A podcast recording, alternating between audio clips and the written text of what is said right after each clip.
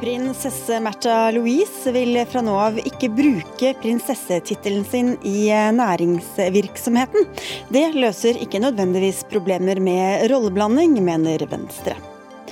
Flere skal få gratis kjernetid i barnehagen. Kostnaden er høyere makspris. Prisen burde heller settes ned, sier SV. Kriser og skandaler har preget det politiske Norge det siste året. Partiene er rett og slett dårlige på krisehåndtering, sier tidligere Frp-politiker, som gir ut bok om krisehåndtering. Og staten skal ikke være silikonsponsor, sier Fremskrittspartiet, som nå vil innføre merverdiavgift på alle kosmetiske helsetjenester.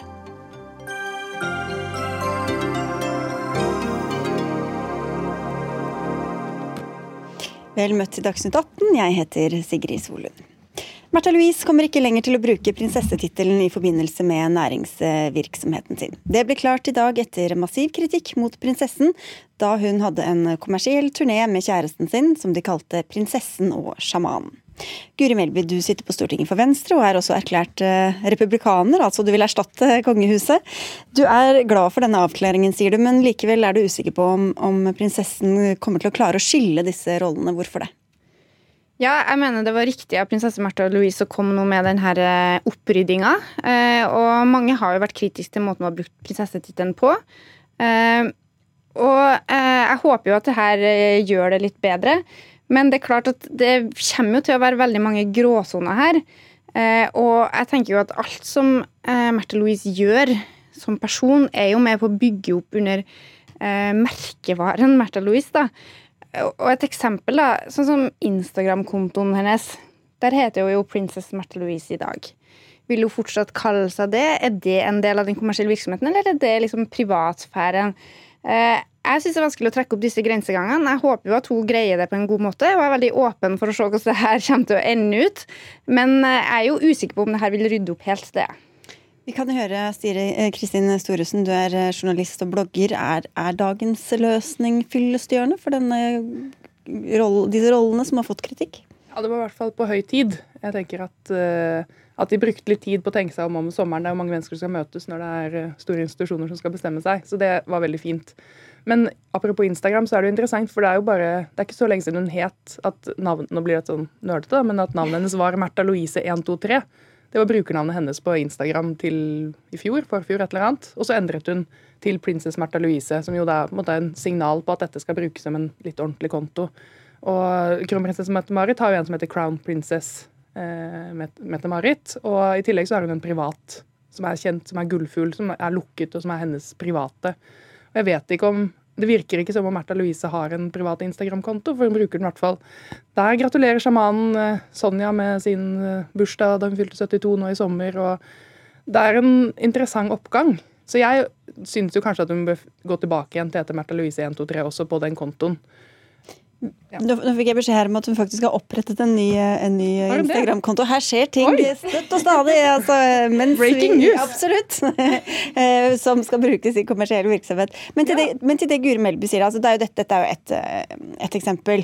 Men kom, er det så enkelt å skille disse rollene fra hverandre? Ikke i det hele tatt. Nei, nei, det går det ikke. Gjør ikke. Det gjør du ikke ellers heller. Altså For en stortingsrepresentant for eksempel, så kan du jo si så mye du vil at du er på en privat fest og gjør ting i privat sammenheng, men du har en rolle som man er valgt til, og som Du kan jo slippe den ut av den litt fortere, men du kan ikke slippe ut av den så fort heller. Og da går det ikke an å skille helt på privatperson og eh, den rollen man er satt til, uansett hva det er. Så hva hadde vært en bedre løsning da, Melby? Bortsett fra å skrote hele institusjonen? Ja, altså, Jeg er jo republikaner, men jeg mener også at uh, jeg ønsker en folkeavstemning. Da, sånn at det her er folket som skal bestemme. Uh, og selv om jeg er republikaner, så kan jeg jo ha meninger om hvordan monarkiet best styrer sitt eget hus, og at vi har åpenhet, at det er tydelighet om roller, og at det ikke er noe forvirring. da. Eh, så Det synes jeg er viktig. Så Det som jeg tok til orde for i vår, da denne debatten gikk sist, var jo at jeg mener nok det hadde vært enklest om hun frasa seg prinsessetittelen helt. Eh, noe som gjør at hun ikke brukte den verken da, privat eller i en kommersiell sammenheng. Hun vil jo likevel være selvsagt en del av kongefamilien. Hun er født inn i den, og det kommer ikke bort fra uansett hva som skjer. Eh, men jeg tror jo det folk på en måte får piggene litt ut av, er at man bruker den tittelen til å eh, tjene penger. Prinsesse Märtha Louise har all rett til å tjene penger. Hun er, hun er, nødt til det. Hun blir ikke finansiert av den offentlige stat, så hun er nødt til å finansiere seg sjøl. Men da syns jeg det er best at hun gjør det som Märtha Louise i alt hun gjør. da. Eh, men som sagt, jeg mener det her er et skritt i riktig retning, og jeg er veldig åpen da, for å se om det her løser problemet. Men hun burde gått lenger? Ja, jeg, er jo helt, jeg mener jo hun skal beholde tittelen. Altså, jeg syns det er fint at hun tar den bort akkurat i de Men det er også noe med typen kommersielle sammenhenger. Ville det f.eks. vært, altså Som fysioterapeut kunne hun drevet en privatklinikk. Det ville vi kanskje synes var mer greit, fordi det er mer nobelt Sturent. eller edelt. Eller hvis hun var barnehagelærer eller skrev barnebøker. Som så, så, så er ikke, du, er helt uenig, altså, du er uenig i at det å ta, ta fra en eller si fra ja. seg tittelen, det er Og det er også at uh, tittelen er jo gitt til henne på en måte av kongehuset, så det er kongen som bestemmer. Nå kunne han uh, valgt det, men jeg, de kongehusene som vi kan sammenligne Eller ja, man kan jo sammenligne seg med hvem som helst, men de kongehusene som er restriktive med prinsessetitler, f.eks. i Japan, hvis de, hvis de, kongelige prinsessene gifter seg med en vanlig menneske, så mister de tittelen sin og også navnet sitt, så, eh, selv om de fortsatt er i familien. Og jeg syns vi skal være for et raust Jeg syns barna hennes også skulle vært prinser og prinsesser. Mm. Ja, Der er jo jeg helt uenig, da. For jeg syns det er interessant nå å bruke det dette caset da, med Märtha Louise eh, som en del av en litt større prinsipiell debatt. Eh, og det er jo mange medlemmer av kongefamilien som ikke er tronarvinger, og som mest sannsynlig aldri kommer til å leve av den norske stat, men som er nødt til å skaffe seg inntekt på annet vis i framtida. Og, og, det er klart at det Märtha Louise gjør nå, vil jo ha litt presedens for hva som skjer med dem. Eh, og jeg tenker jo at det aller enkleste hadde jo vært om, om ingen andre enn den som er direkte tronarving, hadde titler som prinser og prinsesser. Sånn at man slipper den type forvirring som vi nå har hatt rundt Märtha Louise. Men da må de få det, da, i tilfelle en faller bort? Ja, men det er jo ikke noe vanskelig å gjøre det. Skulle man hatt noen andre gøye sånne ventetitler? Innføre fyrster og erkehertuger og Jeg er veldig glad for at vi ikke har den type samfunn i Norge. Da. Det er jo et, en av de store styrkene våre, og det har også vært ganske viktig når man oppretta kongehuset, at det her ikke skulle være starten på at vi bygde en sånn overklasse, men at det skulle være kongehuset, og at det skulle være avgrensa til akkurat de oppgavene som de har. Så det er klart at eh, det å rydde opp i denne tittelbruken tror jeg kan være veldig bra også for alle dem som ønsker at monarkiet skal overleve. Da. Men, men Storesen, du sier at dette var en riktig beslutning. Samtidig som du sier at det er helt umulig å skille disse to rollene. Hvordan henger det sammen? Folk, hvilken rolle spiller det da at hun har gjort det i akkurat dette tilfellet? Det spiller en rolle fordi prosessen viser at man har tenkt på det og ryddet opp og viser en åpenhet i hva man holder på med. Så var det litt rart at annonseringen kom med et sånt prektig fotografbilde på Instagrammen til Märtha Louise, og det ligger bare en veldig veldig kort pressemelding. At dette ikke kom måte offisielt fra Slottet som institusjon, eller hoffet, da, som ville vært uh, riktig avsender for denne dette her. Eh, men eh, det er fint at hun sier fra, og samtidig så er det også vanskelig og umulig å skille. Men nettopp det, at det er da Märtha Louise som legger ut dette på Instagram i stedet for at det kommer en pressemelding fra hoffet, som du sier. Hva, hva, hva, hva sier det om håndteringa fra, fra hoff, eller hoff eller slottets side? da? Nei, Det er jo veldig interessant nå fordi at altså Det kan man se veldig tydelig i England, som jo har et mye tyngre kongehus og treigere. Og der også, hvor de har nå fått inn Uh, unge, særlig da Meghan og Harry, som har veldig lyst til å drive en sosiale medieprofil, og som begynner å på en måte slippe nyheter og tease. Uh, det er veldig mange som blir veldig irritert på hvordan de da på en måte spiller. Uh, nå var jo Meghan var en skuespiller som på en måte har brukt influensegrep inn i kongehuset. Og det tror jeg at altså Kongehuset skal jo spille på en måte den vanskelige linjen og både være moderne og at man skal synes de er, det er gøy når de legger ut et bilde og gratulerer med dagen. Men de skal passe seg også for at det blir for privat og for vanlig. Da. Ja, og Hva kan det gjøre f.eks. med mistanken mot at noen tar på seg et oppdrag også for å spille opp under den næringsvirksomheten man har? Ja. ja det, nei. Jeg mener også et tilleggspoeng her. Det ene er jo liksom det kommersielle, om hun da øker sin verdi ved å kalle seg prinsesse eller ikke. Nå har hun forsøkt å rydde opp i det, og det blir spennende å se hvordan det går. Men det andre som har vært et viktig moment i debatten, er jo også at medlemmer av kongehuset har en slags uangripelighet. De er ofte ikke like sterkt kritisert som f.eks. vi politikere da, er. ikke sant? Vi må liksom tåle å bli kritisert av absolutt alle. Eh, medlemmer av kongefamilien kan ofte liksom unndra seg litt den kritikken og gjemme seg litt bak, bak det her sløret. da.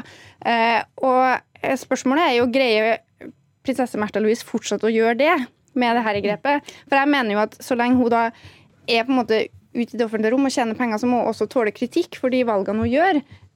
Og det er kanskje det viktigste for meg, at vi, at vi også får den muligheten til å ta en ordentlig debatt da, om de tingene hun gjør. Nå hørte vi løsningen. Dere må bare gi dere selv titler. Dere må bli hertuginne Guri Melby. Jeg trodde man kunne få prinsessetittel her på Dagsnytt 18, men jeg fikk ikke det. Det er veldig, veldig slemt. Men du helt på slutten her, Storhusen. Altså, du jobber jo i Aftenposten mm. selv. Når dere da dekker kongehuset, kommer dere fortsatt til å kalle henne prinsesse også i kommersielle virksomhet eller omtaler, eller? Jeg ikke hvor mye vi kommer til å dekke henne rett og slett i kommersielle omtaler, og jeg skal ikke ta hele Aftenpostens policy på det. Men i utgangspunktet så eh, vil vi nok da bruke Märtha Louise, tenker jeg. Tidligere kjent som Ja. Mm. Ok. Dere, takk skal dere ha. Da fikk vi en, en, halv, en halv, monarkidebatt her. Eh, Guri Melby fra Venstre og Kristin Storesen, som altså er journalist, forfatter og blogger. Takk.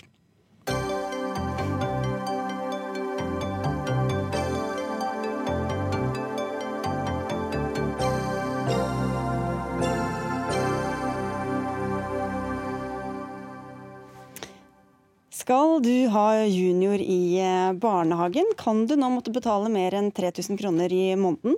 Maksprisen for en fulltids barnehageplass settes nemlig opp. Dette skal finansiere at regjeringa utvider tilbudet om gratis kjernetid i barnehagen. Nå skal også toåringer fra familier med lav inntekt få tilbudet, som i dag gjelder barn på tre, fire og fem år. Tilbudet innebærer 20 timer gratis eh, barnehagetid til barn av foreldre som altså tjener under en viss sum. Mona Fagerås, du er stortingsrepresentant og for, utdanningspolitisk talsperson for Sosialistisk Venstreparti. Ta fra de rike og gi til de fattige, er ikke dette helt i deres hånd? Ja, altså det høres jo vel og bra ut. Det skal de ha, regjeringa, når de selger inn dette. Men hele problemet blir jo at de skal behovsprøve det. Og det er det som er forskjellen på vår politikk og regjeringas eh, politikk. Fordi at ja, jeg er en stor eh, tilhenger av universelle ordninger. Og jeg tror at eh, behovsprøving av ordninger er helt feil vei å gå. Og det er det både i forbindelse med barnetrygd og det er det også i forbindelse med barnehage. Men Hva betyr det? Vil dere ha gratis kjernetid til alle, eller vil dere ha lavere pris til alle, eller hva er løsninga? Vi vil ha lavere pris til alle, det er punkt nummer én. Og så punkt nummer to er at vi sier at vi vil ha gratis halvdagsplass i enkelte områder der det er stort behov for det. Men det er jo ikke en universell ordning? Jo, altså det blir jo en universell eh, eh, ordning i de områdene dette gjelder. Dette har f.eks. Eh, SV gått i bresjen for og gjort det i forbindelse med SFO i enkelte bydeler i Oslo. Der hvor man ser at behovet er stort, og resultatet i Oslo i forbindelse med SFO har jo vært meget vellykket. Vi ser at det er 100% oppslutning om SFO i de bydelene der behovet var størst. Jeg takket deg litt tidlig, Guri Melby. Glemte at du skulle være her fortsatt. Du altså, representerer altså fortsatt eh, Venstre. Men når dere da skal gi flere tilbud om gratis kjernetid, så er det andre barnefamilier som må betale. Hvorfor det? Eh, det vi har sett i mange år, er jo at i Norge så har vi ganske billige barnehageplasser sammenlignet med andre land. Og også sånn historisk sett så er det veldig mye billigere i dag å ha ungene sine i barnehage enn det var på 90-tallet og tidlig 2000-tallet. Og Det er bra, det er en politikk det er bred enighet om, at det skal være en makspris. At det ikke skal være altfor dyrt å ha ungene sine i barnehage, fordi det er bra. Det er et kjempebra tilbud. Og så så jo vi at det var veldig mange som ikke benytta seg av barnehage særlig blant de yngste barna, fordi at det var for dyrt. Det å betale 2000-3000 kroner, for mange med god inntekt så er ikke det noe problem, men for dem med lav inntekt, kanskje bare én inntekt i husstanden, så det var det veldig vanskelig. Og dermed så endte man opp med å velge med å ikke sende ungen i barnehage. Og det vi da ønska å prioritere, var å sikre at de ungene fra familier med lav inntekt får gratis kjernetid. Og det vil si at de får en veldig mye billigere barnehageplass Eh, og så aksepterer vi heller da en bitte, bitte liten prisøkning på 50 kroner for dem som har god inntekt. Og Et eksempel. da, En familie som har en inntekt på 525 000. Hvis de har to barn i barnehage, så får de 2400 kroner mindre å betale i måneden for barnehageplass. Og så må de andre betale 50 kroner mer per plass, og det mener vi er helt greit, så lenge vi sikrer at 46 000 barn får gratis. Det er flere uh, poeng her. Altså, du, du, sa at det var historisk uh, lave priser, men du stoppa på begynnelsen av 2000-tallet. Uh, og ganske fort etter det så begynte jo prisene å økes, og de øktes mer enn det enn bare etter prisjustering. Man la på, man hentet penger inn, for å si det sånn, i budsjettene fra denne økningen. Så hvorfor er dette økte makspriser et sted som regjeringa syns det er fint at her skal vi hente inn pengene? Altså nå synes jeg det er verdt å få fram at Den eneste forskjellen da, på SVs alternative budsjett og regjeringas budsjett er 100 kroner i maksprisen. Jo, men du kan svare på spørsmålet. Ja, Maksprisen har økt litt de siste årene, fra det laveste, når den var på 2330, til at den nå er på 3040 kroner. Og det vi har prioritert i stedet, er jo å gi 46 000 barn gratis 20 timer i barnehagen. Og da mener vi at familier som har god økonomi, kan tåle å betale litt mer. Og så er det også verdt å få med da, at barnetrygda har økt mer i år enn maksprisen på barnehage. Ja, for første gang på 100 år eller og det har jo vi fått til, det fikk SV aldri til. Så det betyr jo at de fleste barnefamilier kommer jo ut klart i pluss med denne regjeringas politikk. Og det handler jo om prioriteringer, eh, Fagerås. Så hvem skal du prioritere da? De som ikke har råd til å sende ungene sine i barnehagen, eller i hvert fall ikke gjør det, eller de som faktisk har råd til å betale 50 kroner ekstra? Ja, Vi skal i hvert fall ikke prioritere landets aller, aller rikeste, slik denne regjeringa har gjort år på år. Det var, det var ikke et av svaralternativene? Nei, ikke sant. Men det som Guri Melby her sier, det er at uh, enkelte familier ikke benytter seg av ordninga. Så ser vi at regjeringa innfører ei ordning hvor altså 17 000 Eh, ikke benytter seg og ikke søker om å få eh, gratis kjernetid, fordi at det er en veldig byråkratisk ordning, fordi de ikke vet om den, eh, og fordi at det koster ganske mye tid og ressurser på å, på å få gjort denne søknaden. Så da tenker jeg at det vil jo si at denne ordninga overhodet ikke er vellykka. Det er derfor jeg er så opptatt av at vi heller skal ha universelle ordninger som gjelder alle. Og jeg tror du kunne, jeg skulle gjerne sett det regnestykket, kan man kunne spart Uh, på mm. å gi universelle ordninger istedenfor å gi behovsprøvde. Men da sparer det vel egentlig ganske mye penger ved at ingen bruker dette tilbudet, eller få bruker det tilbudet som dere skryter av? da? Det er ikke få som bruker det. Det er titusenvis av barn som i dag bruker tilbudet om gratis kjernetid, og vi jobber bevisst med å få ut mer oppmerksomhet om den ordninga, slik at enda flere benytter seg av det. Men jeg syns egentlig, jeg, jeg synes egentlig det er veldig feil å si at vi nå ikke har en universell ordning. Jo, tilgang til barnehage det er et universelt gode. Alle barn har akkurat den samme lovfesteretten til barnehageplass. Og alle barn i Norge har en sterkt finansiert offentlig barnehageplass. Det offentlige subsidierer absolutt alle sin barnehageplass. Foreldre betaler en liten egenandel. Det som er forskjell, det er hvor stor egenandel foreldrene skal betale. Og vi har sagt at de som har lite penger, de skal betale en mindre egenandel enn de som har mye penger. Og det mener jeg jo egentlig høres ut som god SV-politikk. Og jeg syns det er veldig rart at dere vil frata disse barna muligheten jo, men for å spørre deg, altså Barnefamilier med en samlet inntekt på 557 333 kroner, det er altså det dere mener er en høy inntekt, eller du som du nettopp sa, har mye penger? Jeg har ikke sagt at det er en høy inntekt. Du sa at de som har mye penger skal betale. Det er jo de dette gjelder, da. Altså, Alle har en sterkt subsidiert barnehageplass i Norge. Jo, det, det, Ingen det, betaler som, mer enn 3040 kroner. Det er denne regninga dere legger på nå? Ja, den har økt med 50 kroner. Og SV sitt alternative budsjett så kutter de med 50 kroner. Så det er altså i praksis forskjellen på en hundrelapp her vi diskuterer. Og jeg mener at de familiene som har inntekt som er over 550 000, Eh, det er bedre at de må betale en femtelapp mer, men at vi sikrer at de som da har lav inntekt, får gratis kjernetid. For det er dem som ikke har brukt barnehage fram til nå. Og det funker jo, det er jo det vi har sett. Vi har forskning på det. Vi vet at flere innvandrerbarn kommer i barnehage med denne ordninga. Flere barn fra familier med lav inntekt kommer i barnehage. De gjør det bedre på skolen, og dermed så kommer de også til å lykkes bedre i livet. Men det er jo ikke bare den 50-lappen som skiller regjeringens politikk og SVs eh, politikk. Som Gyri Melby vel vet, så er det jo regjeringa sitt eh, statsbudsjett vi legger til grunn når vi skal lage våre alternative budsjetter. Ja, men vi måtte altså bruke over 600 millioner kroner mer på barnehager enn regjeringa, fordi at de eh, rett og slett innførte en barnehagenorm som de ikke finansierte. Og det er KS sine tall vi bruker her i forhold til barnehagenormen. Sånn at eh, de gjør det jo ikke så veldig lett for oss, for de satser ikke på barnehager. Og nå bruker de altså penger på ei, eh, ei, ordning som ikke treffer alle barn. Jo, ok, men Hvis vi holder oss til saken her, altså 100 kroner eller 50 kroner til eller fra, hvor mange tror du vil merke det på kroppen eh, sånn i det daglige? Nei, men altså det blir jo en, en, tusenlapp i året, og det er jo penger. og Det er jo, det er jo som å si det jo endelig etter 100 år har klart å øke barnetrygden, så er det jo ikke særlig mye mer de har klart å øke den med. Så de tar altså med den ene hånda og gir med den andre. Summen blir ikke veldig positiv. Det som er Poenget her er at vi prioriterer dem som trenger det mest. Når vi øker barnetrygda, så skal vi øke den med 7200 for familier med barn mellom 0 til 6 år. Og det er dem vi vet trenger det mest. Det er dem som har dårligst råd i dag, det er dem som har strammest økonomi.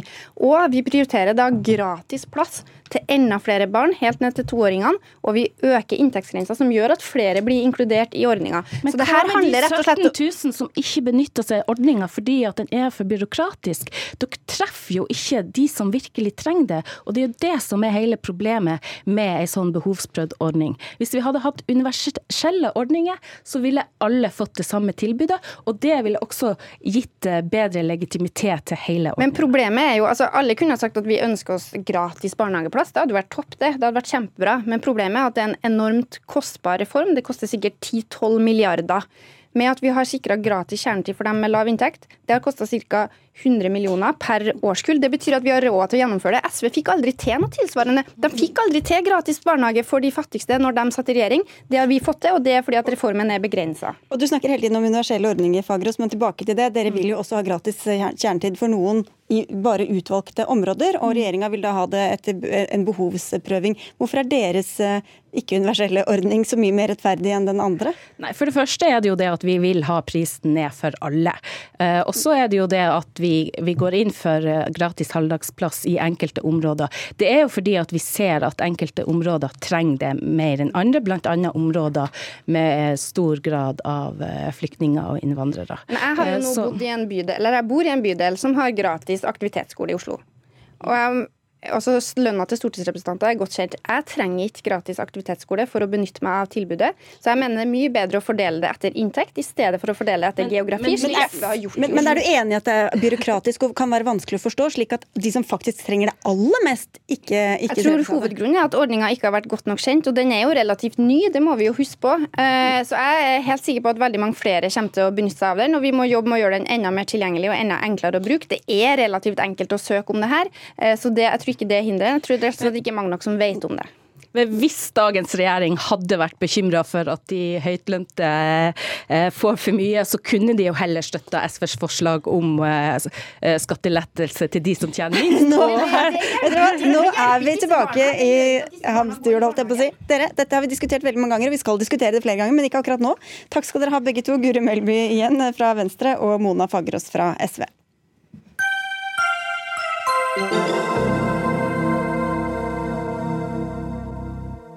Snart skal vi diskutere hvem som bør ha siste ord i vindkraftutbygginger, men før det til en annen som får kraftig motbør. For USAs president Donald Trump ble møtt av demonstranter da han kom til Dayton i Ohio nå for en drøy time siden. Det er også ventet sterke reaksjoner når han kommer til El Paso i Texas i kveld.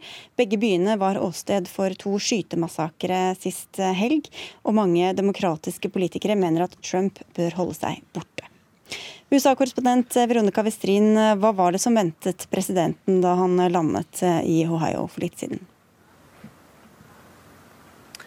Det var jo eh, flere som demonstrerte mot Trump etter at han landet, og blant annet så eh, blåste de opp denne Trump-babyen, som vi også har sett ved tidligere anledninger. Og han kom jo dit eh, for å vise sin respekt og møte hjelpemannskaper, pårørende og overlevende etter massakren der. Hvorfor er de så sinte på at han kommer? Det, jo, det, gjelder jo spesielt her i El Paso, hvor jeg står, så er det mange som er sinte. De eh, reagerer på hans ordbruk. Mange her sier rett ut at han er rasist. Eh, og vi har jo også hørt mange av myndighetspersonene her si det. Veronica Escobar, som sitter i Kongressen, eh, hun eh, har sagt at Trump ikke er velkommen i El Paso. Det samme har Beto O'Rourke, som er en av demokratenes presidentkandidater. Og mange jeg møter her, er enig med dem. Men selvsagt, her er meningene delte. Og Trump selv har jo sagt at han fordømmer rasisme Eh, etter disse to massakrene, eh, og at hat ikke har noen plass eh, i Amerika. Hvordan er besøkene i de to byene lagt opp, og hva skal han gjøre der? Når han kommer hit, så vil det være en kransenedleggelse. I tillegg så skal han til, trolig til det sykehuset som jeg besøkte her i går. Jeg var inne på intensivavdelingen der hvor noen av de mest kritiske skadde ligger. Møtte en av dem som har overlevd, men vært gjennom mange operasjoner. Det er hjerteskjærende historier å høre. og Venterommet på intensivavdelingen der var fullt av pårørende. Mange venter jo fortsatt på oppdateringer om sine kjære her. Takk skal du ha, Veronica Westrin. Tove Bjørgaas, du er utenriksmedarbeider her i NRK. Han kommer altså til eh, Mexico eh, i eh, kveld. Og der er det jo også et bakteppe fra før av mellom et ganske, et ganske spent forhold mellom disse to landene. Hvordan spiller det inn på hvordan dette besøket også blir oppfattet? Ja, Grensebyen El Paso ligger altså like ved ja. grensen til Mexico. Ja. Og der var eh, Trump i februar. Og da sa han mye mer splittende ting enn det han har sagt. Han sa mange ting da om hvordan USA skulle kjempe mot innvandring, som mange ikke har glemt.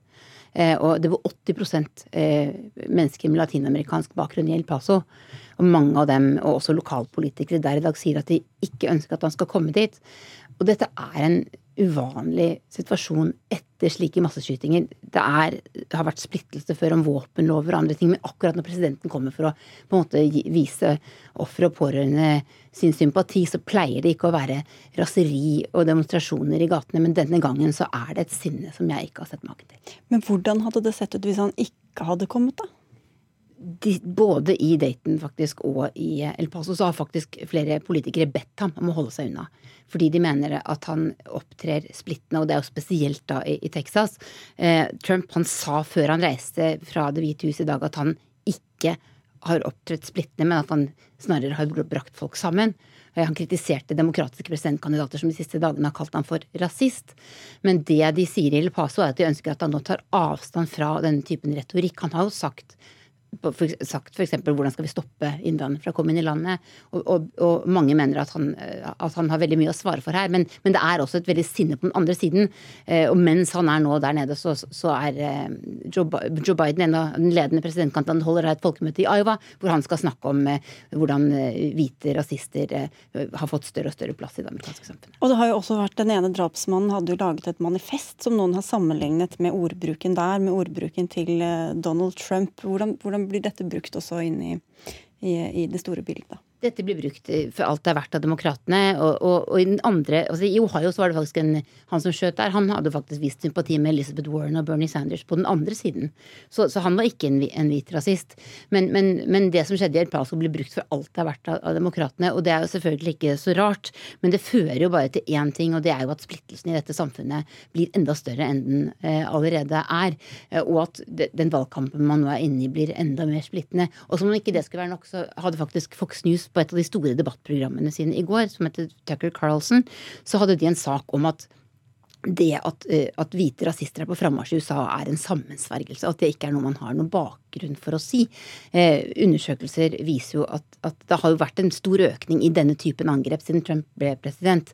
Eh, men, men, men, det spres altså også nyheter om det andre. Mens Trump beskylder f.eks. New York Times for å drive med, med fake news fordi de de, de endret en overskrift i går som noen demokrater mente ble for mild.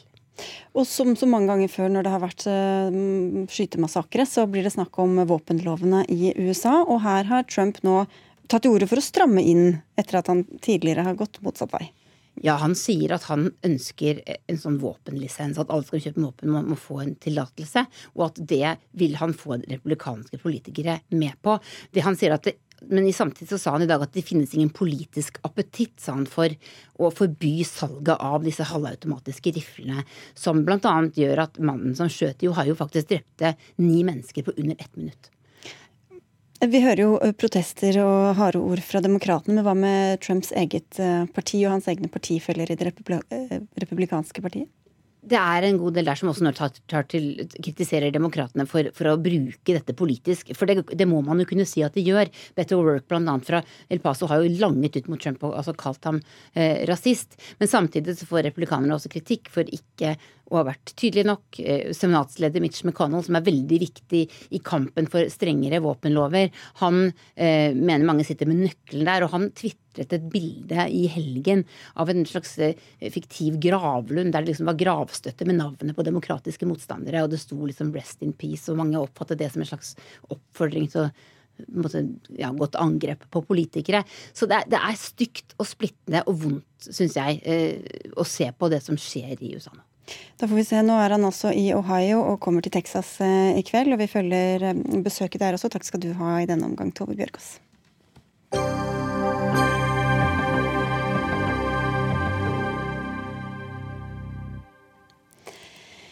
For dem som liker å meske seg i skandaler, har det vært nok å ta av eh, i norsk politikk det siste året. Noen stikkord kan være Trond Giske, Per Sandberg, Christian Tonning Riise, Olemic Thommessen, Sylvi Listhaug og andre justisministre fra Fremskrittspartiet. Krisen er blitt ulikt håndtert, men for dem som planlegger å havne i tilsvarende kriser, er det håp i sikte. For nå kommer du med en krisehåndbok, Ove Vannebo. Du er jurist, og du har en eh, tidligere karriere som sentralpolitiker i Fremskrittspartiet. Jeg Er fortsatt medlem. Mm. Eh, med tanke på dette året vi har lagt bak oss, så kommer denne boka lovlig sent. Ja, altså jeg, jeg, ser i hvert fall at det er et stort behov for den. Eh, så Det er selvfølgelig trist for norsk politikk, men for bokas del så har det vært veldig gledelig. Det har blitt nok av eksempler på ting som eh, man skal gjøre, og ikke minst ikke gjøre. Ja, hvilke, eller hvilke kriser er det som har blitt skikkelig dårlig håndtert, syns du, i Norge de siste årene? Eh, det er mye å ta av, men, men, jeg kan ta et som folk kanskje har litt friskt i minne. Og det er jo denne VG-saken, som fikk veldig mye oppmerksomhet. Det som var utfordringen der, var jo at eh, VG lagde en sak med en ung jente som dansa med Trond Giske. Og så viste det seg at uh, man hadde gått veldig langt for å få et sitat fra henne. Og når hun da mener seg feilsitert, så blir det jo en sak ut av det. Og det som går galt der, det er at for det første så blir det fort en sånn David mot Goliat-situasjon, hvor et stort, sterkt mediehus står mot en ung, uerfaren person. Um, det er også sånn at det går litt tid før man innser at dette ble galt. Og så tror jeg ikke de helt ser hva som skjer. Fordi eh, man tror denne saken roer seg, og så tar TV 2 tak i saken, og så blir det en helt ny dynamikk. Og så blir det uklart fordi eh, eh Lars Joakim Skarvøy, som var denne journalisten involvert, han sier én ting med at han mente dette var riktig sitat, og så sier VG at eh, nei, her har vi gjort en feil. Og så ender det med at det blir et veldig uklart bilde, og det er uklart om man egentlig mener at man har gjort noe galt. Så det er et veldig godt eksempel på noe som går galt. Gøy at jeg begynner med å nevne politiske skandaler, og så nevner du mediebransjen. Ja, jeg kan godt, godt, ta, kan godt ta, ta, politiske skandaler også. Det, det, er jo også nok å ta, også ikke, ikke minst i mitt, mitt eget parti.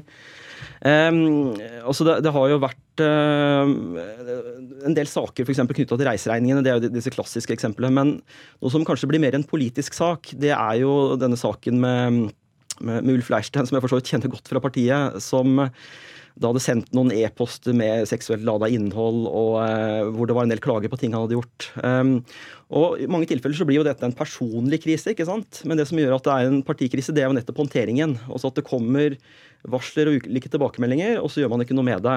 Og så eh, Istedenfor at det da blir en personkrise, så blir det da en organisasjonskrise ved at man da ser på partiet som gjør noe galt. Og Det samme tendensen kan man jo også se i den Trond Giske-saken. Eh, hvor det er sånn at Først så kommer det saker, og så tenker man at det var disse sakene. Men så glemmer man alltid at krisen har sin egen dynamikk. Og ofte så er de første tingene som kommer, det er dråpen som får begeret til, til, å renne over. For da kommer det flere som har lyst til å snakke om at de har blitt behandla urett. Eh, man undervurderer og kanskje bagatelliserer i starten, og så blir det en mer alvorlig sak. Eh, og det som alltid kjennetegner, eh, eller ofte kjennetegner de politiske krisene, er nettopp hva visste partiledelsen, hva gjorde man for å begrense krisen? Eh, og så blir det en sak i seg selv. Ja, for Jeg sa innledningsvis at de som planlegger å havne i krise, kan ha god nytte av boka, men det er jo selvfølgelig ingen som gjør det. Og du skriver jo også at for dem som havner i en krise, så går det veldig sjelden opp for dem også umiddelbart hvor stor krise de faktisk befinner seg i, og hvordan den kommer til å utvikle seg. Ja, og det, dette er jo eh, like mye psykologi som kommunikasjon. fordi det som er saken er at Når det først eh, skjer noe galt, så begynner fryktsenteret i hjernen å jobbe og sende ut signal om at nå er du i fare. Og Da begynner de fleste av oss å, å, tenke litt irrasjonelt. Eh, vi blir veldig usikre på hva som har skjedd. Vi merker at hjertet begynner å slå. En politiker jeg snakka med, sa at for han så ble det til og med vanskelig å puste, fordi det blir en såpass anspent situasjon. Og Da er det ofte at man prøver da også å finne en løsning, og så overvurderer man de positive signalene, og så undervurderer man det negative som kan komme. Eh, og så Når man da blir pressa fra skanse til skanse, så er det veldig lett å tenke at man selv er offeret, selv om man har gjort noe galt. Mm. Eh, og da, det er jo klart at eh, Hvis man har gjort noe, noe, fryktelig galt som politiker og begynner å snakke om at å nei, dette er veldig tungt og vanskelig for meg, så vil jo publikum fort tenke at ja, men strengt tatt så er det vel du som har gjort det gale. Og da, da blir det fort et, et veldig dårlig oppslag. Uh, ja, og dette henger jo sammen med noe du skriver om hvordan ditt eget parti kommuniserte etter terroren 22.07. Um, på Utøya og i regjeringskvartalet. Og da, mm. da drapsmannens fortid i, i, Fremskrittspartiet også kom fram. Ja. Hva, hva, gjorde partiledelsen og partifeller også som var kritikkverdig da, mener du?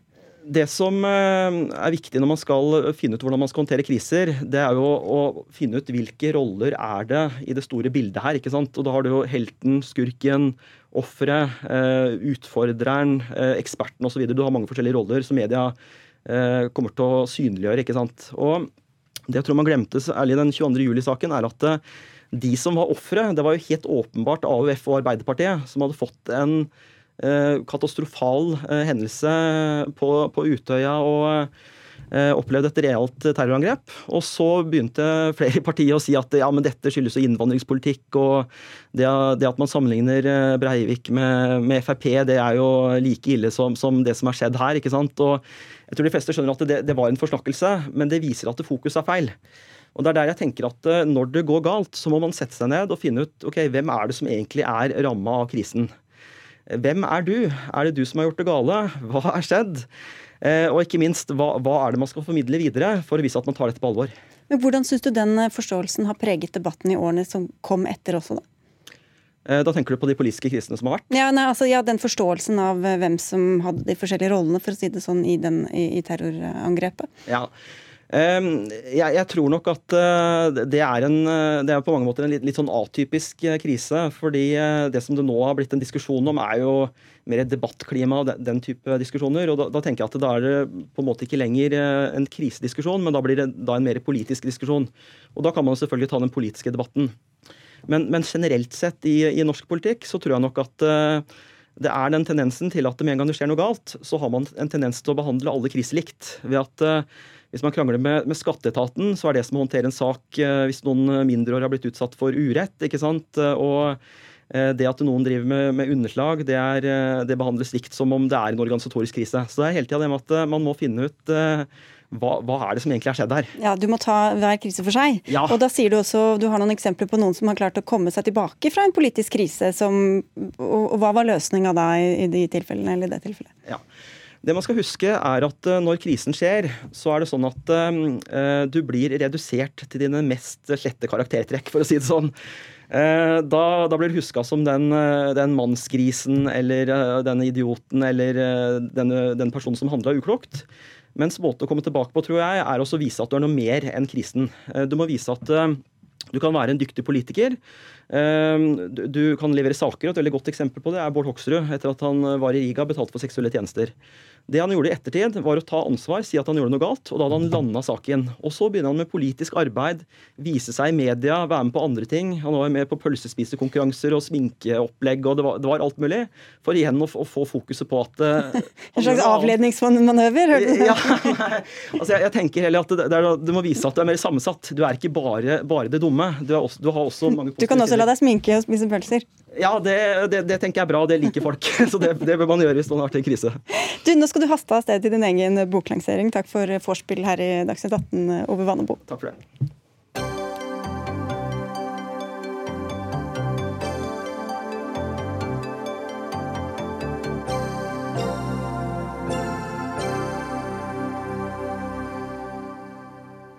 Hvor kan Norge ha vindkraft på land, og bør lokale myndigheter kunne si nei, selv om kommunen pekes ut som et egnet sted for vindmøller?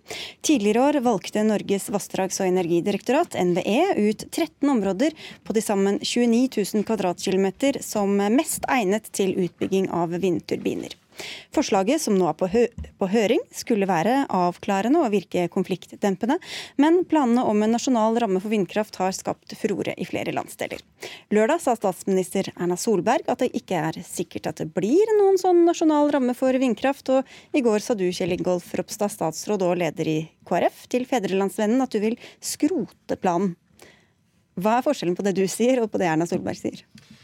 Jeg er iallfall tydelig på at jeg mener at det ikke er det ene virkemidlet som mange kanskje håpte. Eh, for det er som du sier, så var det NVE som la dette ut på, eller foreslo hvordan det kunne se ut. Eh, og det er jo argumentet for at du skulle hatt en sånn plan, ha en mer helhetlig tilnærming til det og få valgt ut noen områder. Men resultatet er jo blitt eh, tvert imot veldig mye mer konflikt. Og Derfor så mener jeg at måten vi behandler søknader på i dag, er bedre. Da gjenger du grundig inn i de ulike søknadene. Kommunene kan gi sine innspill, og så vil vi da kunne vurdere hvor det eventuelt er egnet for å bygge ut vind. For alle som ikke har dette helt innunder huden, hva er en nasjonal ramme for vindkraft på 30 sekunder? Det er jo et forslag til å finne ut hvilke områder vil det være best å gjøre det. Og det er jo noen nasjonale hensyn som sier at av og til så vil du si nei uansett. Og at du da har gjort grundigere undersøkelser på hvor vil det være best egnet at du kan sette opp vindmøller. Eh, og det er argumentet for å gjøre det på den måten. Men min påstand, og iallfall det KrF har landa på, er at eh, konsekvensene av det som er ute på høring nå, er at det skaper mer bråk. og Derfor mener vi at istedenfor at du har en nasjonal rammeplan for vind, så har du heller en vanlig konsesjonssøknad og en vanlig runde der du gjenger grundig inn i hver enkelt tilfelle. og Så sier du ja der du mener det er godt egnet, og så sier du nei dersom det ikke er det. Stefan Heggelund, energipolitisk statsperson i Høyre. Regjeringa leverte altså en energimelding i Stortinget i 2016 hvor det sto at regjeringen vil legge til rette for en langsiktig utvikling av lønnsom vindkraft i Norge.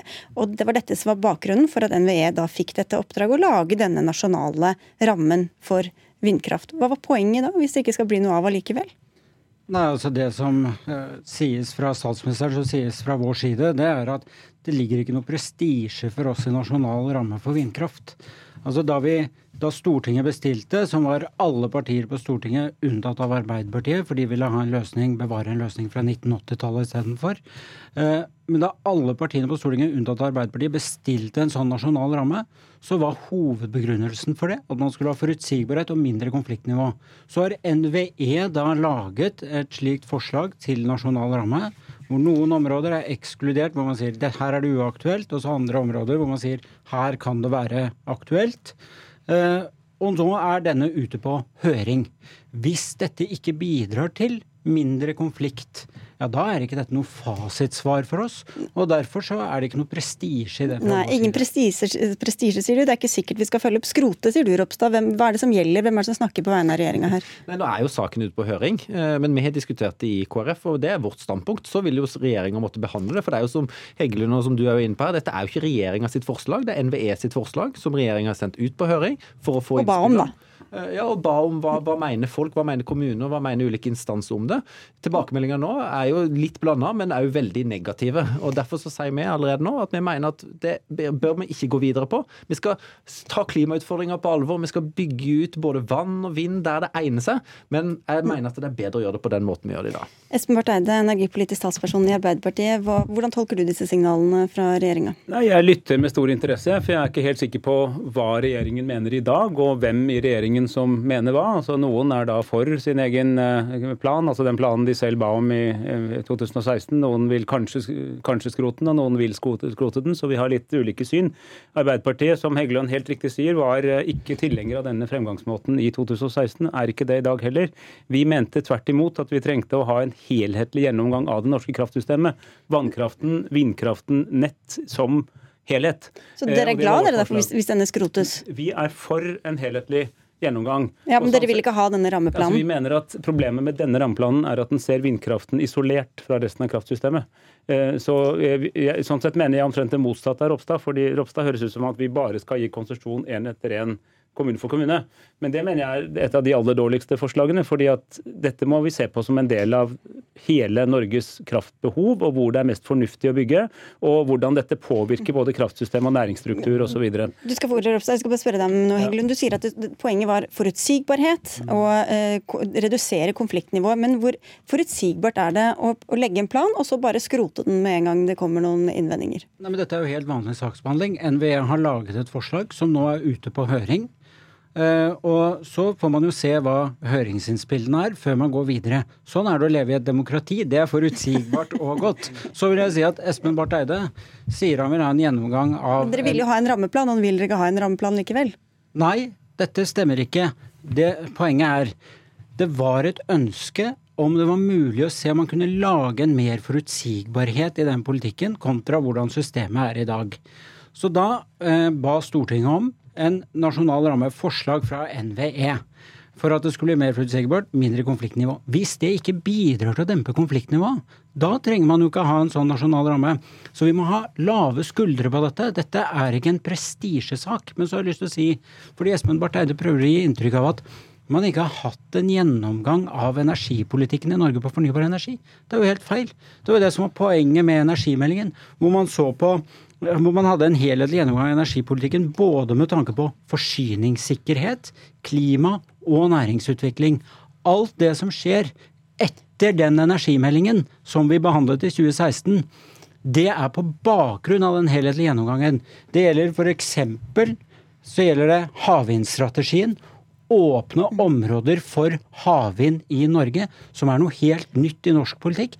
Det skjer på bakgrunn av at man har hatt en helhetlig gjennomgang okay, av energipolitikken. Så du ber om noe som allerede fins? Altså, det, det, det, er mange ting i energimeldingen fra 2016 som er viktig uh, og riktig, men det vi etterlyste da og etterlyser nå, er at man ser på spesielt dette med sammenhengen mellom vannkraften vindkraften og nettsystemet. fordi at Det kan finnes en fjelltopp hvor det er egnet til å sette noen vindmøller. Men hvis ikke det er et godt nett i nærheten av det, så kan det bli veldig dyrt å føre den kraften fram. Det er en type sammenheng man må se på. Vannkraften blir faktisk mer verdifull når man også har vindkraft. for Man kan utnytte det at den kan balansere, at den kan, er regulerbar på en helt annen måte enn før. Og Det jeg føler at vi ikke gjør i denne debatten, er at vi snakker om hvordan den fantastiske teknologien som vindkraften er, faktisk kan skape et enda bedre kraftsystem hvis vi tenker helhetlig. Og for så mener jeg at Man må se nå grundig på skatteregimet i forhold til vannkraften. Det er riktig, nå kommer grunn til å si at Per Sanner-utvalget jobber med det, men de jobber med det bare i forhold til vannkraften. Fordi at det, mandatet var avgrenset til vannkraft, ikke sammenhengen mellom vannkraft og vindkraft. Og Da hører vi at du vil gå motsatt vei, sier Barth Eide. Og, mer, og det handler jo også om mer lokalt styre. Du skal ta det sak for sak og gi kommunene også større makt inn i dette, så man ikke får den nasjonale planen, men men, men først vil jeg bare si at, at uh, for meg så handler det ikke om å bare ta sak for sak. Uh, selvfølgelig så må det være en helhet over det. Og når vi diskuterer ulike saker òg i regjering, så er det jo klart at du ser ting som en helhet. Uh, men mitt poeng, og når du nevner å gi kommunene mer makt, er at når du først skal gjøre noe som å bygge ut vindmøller, som en vet er et naturinngrep, som en ikke skal glemme, og òg ikke minst en belastning for lokalsamfunnene, så mener jeg at når en kommune sier nei, ja da må det bli nei. Eh, og det som jeg mener litt av utfordringa, er jo at eh, ofte tenker en veldig kortsiktig på sånne type beslutninger. Eh, og Derfor så er jeg jo enig med Espen Barth Eide at en må se på hva kommunene som velger å si ja, får tilbake igjen. Sånn at du både får bygd ut de prosjektene som er fornuftige, men òg se på at kommunene skal bli kompensert for den belastninga det er hvis en bygger bygge vindmøller og si ja til det. For det er jo veldig mange kommuner som har sagt ja, og som kommer til å si ja. Vi får høre på konfliktnivået, forutsigbarheten mellom regjeringspartiene, Heggelund. Er du enig med Ropstad her i at eh, kommunene må få en vetorett? Altså I praksis så er det jo sånn i dag at sier kommunen nei, så blir det nei. Det syns jeg er bra. En formalisert vetorett det er jeg skeptisk til, fordi jeg mener at forsyningssikkerhet er et rikspolitisk ansvar. Men praksis i dag er at hvis en kommune sier nei, så blir det nei. Og det synes jeg er bra at det er sånn. Men realiteten i denne debatten er at Arbeiderpartiet hopper etter regjeringspartiene gang på gang på gang i energipolitikken. De vil ha en helhetlig gjennomgang. Det har vi. De vil ha en utredning av skattesystemet for vannkraft. Det gjør vi nå. De vil endre skattesystemet for vindkraft. Det har vi allerede gjort, med likere rammebetingelser for hvordan det er i resten av Europa. Altså Du må, altså, du må henge med istedenfor å bare hoppe tre Du, du hoppet litt bro fra det ene til det andre her, men du skal få svare, Barth Eide. Ja. Jo, men uh, Stefan Heggelund, dette er jo rett og slett ikke riktig. For det jeg sier nå, er jo det samme som Arbeiderpartiet sa i innstillingen nemlig at vi skulle videreføre prinsippet om samla plan. Altså ikke den gamle samla planen, men en ny type samla plan som så vannkraft og vindkraft i sammenheng med nettsystemet, næringsstruktur Hvorfor ikke gjøre det, Heggelund? Hvorfor det, ikke se en sånn Det stemte da Arbeiderpartiet og MDG for, og de andre ville da ha denne fordi, fordi vi ser det i sammenheng, og alt som skjer etter denne helhetlige gjennomgangen av energipolitikken, det er en konsekvens av at man har sett ting i sammenheng. Når Espen Barth Eide sier at han vil ha en samlet plan, det var altså en etterlevning fra 1980-tallet som bare de var for. Ingen andre var for den. Alle andre, ville, alle andre ville kvitte seg med den fordi den var byråkratisk, tungrodd og den var gammeldags. Og den er ikke tilpasset det energisystemet vi har i dag. Så igjen, hvis, hvis det er slik at du sier det samme nå som det du sa i 2016, så ligger du faktisk enda lenger bak i dag enn det jeg trodde du gjorde. Og det er ganske oppsiktsvekkende. Altså, I enhver debatt eh, med Stefan Heggelund så vil han mene at det Arbeiderpartiet mener enten er dårlig politikk eller allerede regjeringspolitikk, eller begge deler samtidig. Det siste er den aller morsomste varianten. Eh, men jeg mener altså at vi er ganske konsekvente på dette her, fordi vi mener at man må ha en helhetlig tilnærming til hele det norske kraftsystemet, som også tar inn over seg hva som skjer med vannkraftregimet vårt når vi får mye vindkraft. For da har vi altså en uregulerbar fornybar ressurs, som er vind, som vi kombinerer med en regulerbar fornybar ressurs, som er vann. Det er en fantastisk kombinasjon, egentlig. Men vi har ikke nok i denne debatten tenkt på hvordan vi kan utnytte den fordelen det gir oss. Eh, og det mener jeg var riktig i 2016. Det er enda mer riktig nå. Eh, okay. Derfor så er det noe vi kommer til å fortsette å mene, og jeg tror til slutt mange kommer til å være enig med oss. Men det er jo derfor den gjør det i dag. En ser det i sammenheng. Og jeg mener det er viktig. Og, og jeg mener at det skal bygges ut vind. Men jeg, når du ser konfliktnivået som er på land, så må en ta i bruk den fantastiske teknologien som er offshore. Det er derfor regjeringa nettopp har åpna nye områder, sånn at det skal være mulig. For dette handler om òg i et klimaperspektiv å kunne utvikle teknologien videre. Og jeg tror at Norge kan bli verdensledende på den teknologien. Vi kan bygge offshore Men det ligger langt fram. Alle er enige om det, men det kan ligge langt fram i tid? Ikke nødvendigvis langt fram i tid. En vet at det går lenger og lenger, og nå åpner vi områder. og Jeg har stor tro på at dette vil bety noe for energisikkerheten og leveransen både til Norge, men også resten av verden. Dette er, høy, dette er, veldig bra. Det er på høy tid. Vi har jo lenge ivret fra vår side på at man skulle få en plan for offshore Da er det du som ønsker velkommen etter, da, eh, Så der er det å si velkommen etter til regjeringen, eh, men vi får følge nøye med på om det faktisk blir noe. Takk skal dere ha, iallfall alle tre. Espen Barth Eide fra Arbeiderpartiet, Kjell Ingolf Ropstad fra KrF og Stefan Heggelund fra Høyre.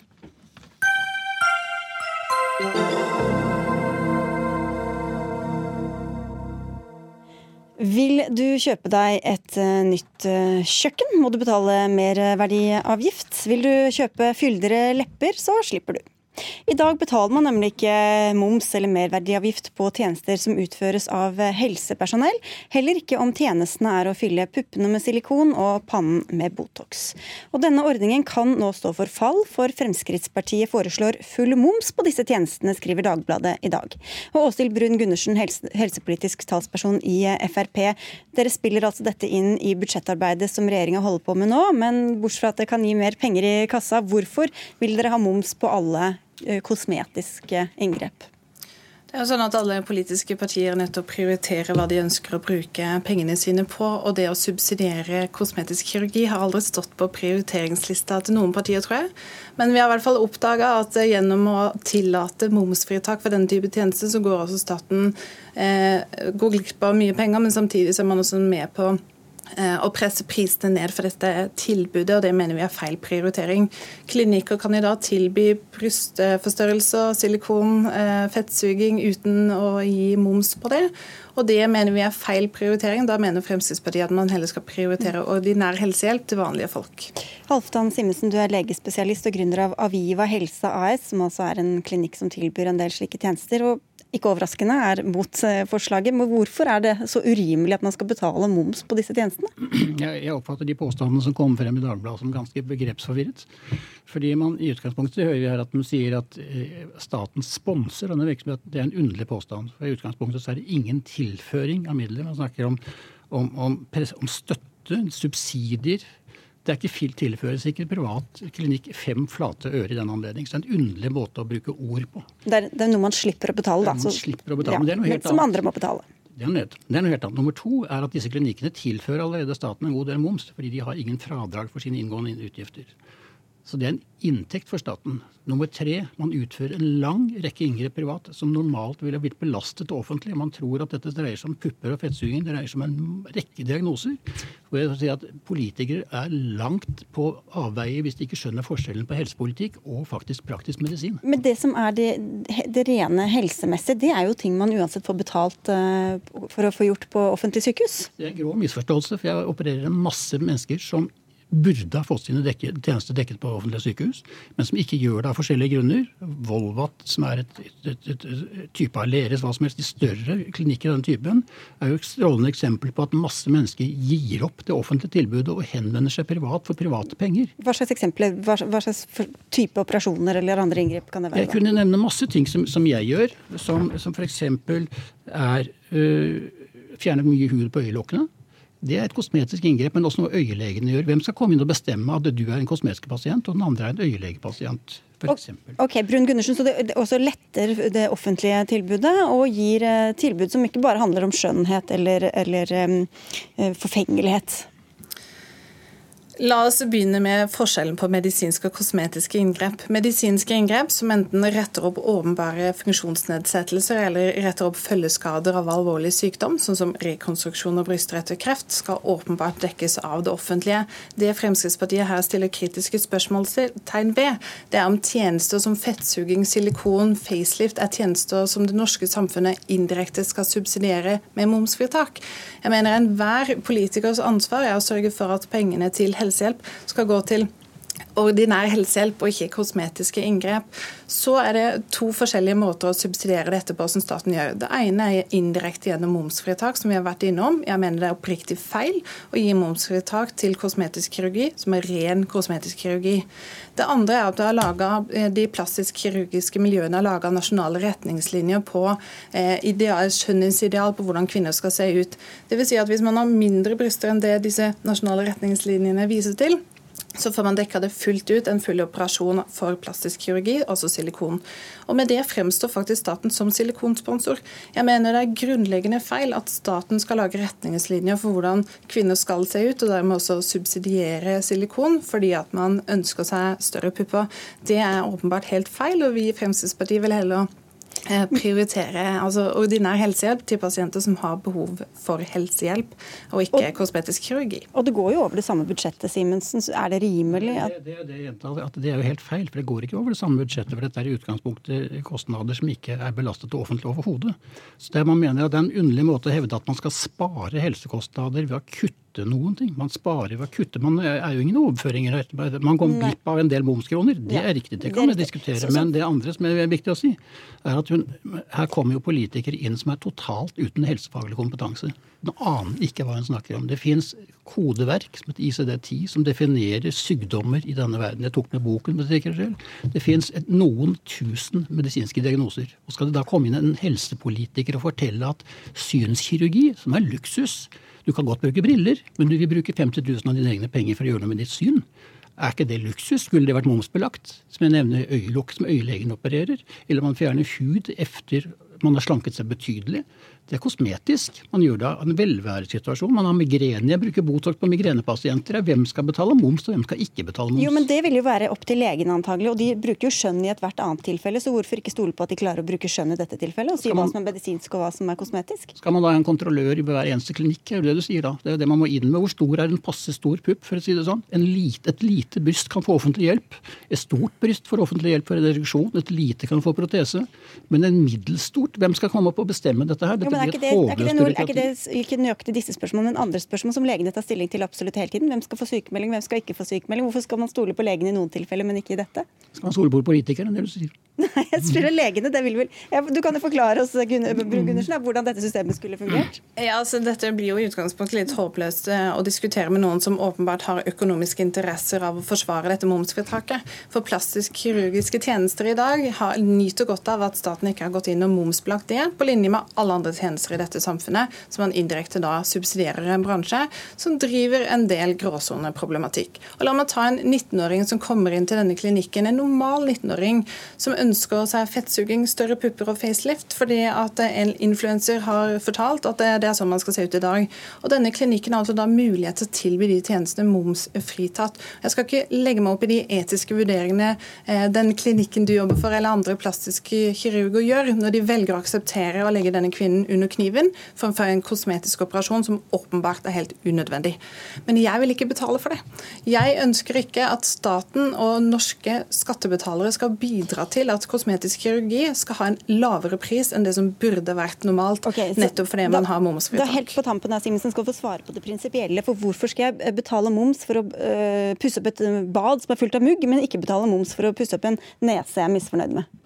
Jeg har ikke noe problem med å skjønne spørsmålet, men problemet er at man greier ikke å trekke grensene. og det er det, det, da eh, Brun Gundersen heller ikke skjønner. At man mener at man skal ha en, en eller annen form for, for, politi i dette her, som skal fortelle hvem som er berettiget og hvem som ikke er berettiget. Jeg kan ramse opp en lang lang rekke med diagnoser som jeg opererer, som ikke faller inn under kosmetikk. medisinsk? Når kan man forsvare det medisinsk altså, hvis, hvis, og gi unge kvinner silikonpupper? Veldig, veldig kort, for du må avslutte. En, en kommentar til det. Altså, man må kunne slutte å tenke på at dette dreier seg om, som du sier, ansiktsløft brystproteser og fettsuging. Vi snakker om veldig mange okay. diagnoser som det åpenbart ikke har noe peiling på. Skulle gjerne gitt dere mer tid, men det har jeg ikke å gi. For vi, avslutt, vi må avslutte sendingen, og det var Leila Ferratovic som hadde ansvaret for den. Det var Finn Lie som hadde det tekniske ansvaret, og jeg heter Sigrid Solund ønsker en fin kveld.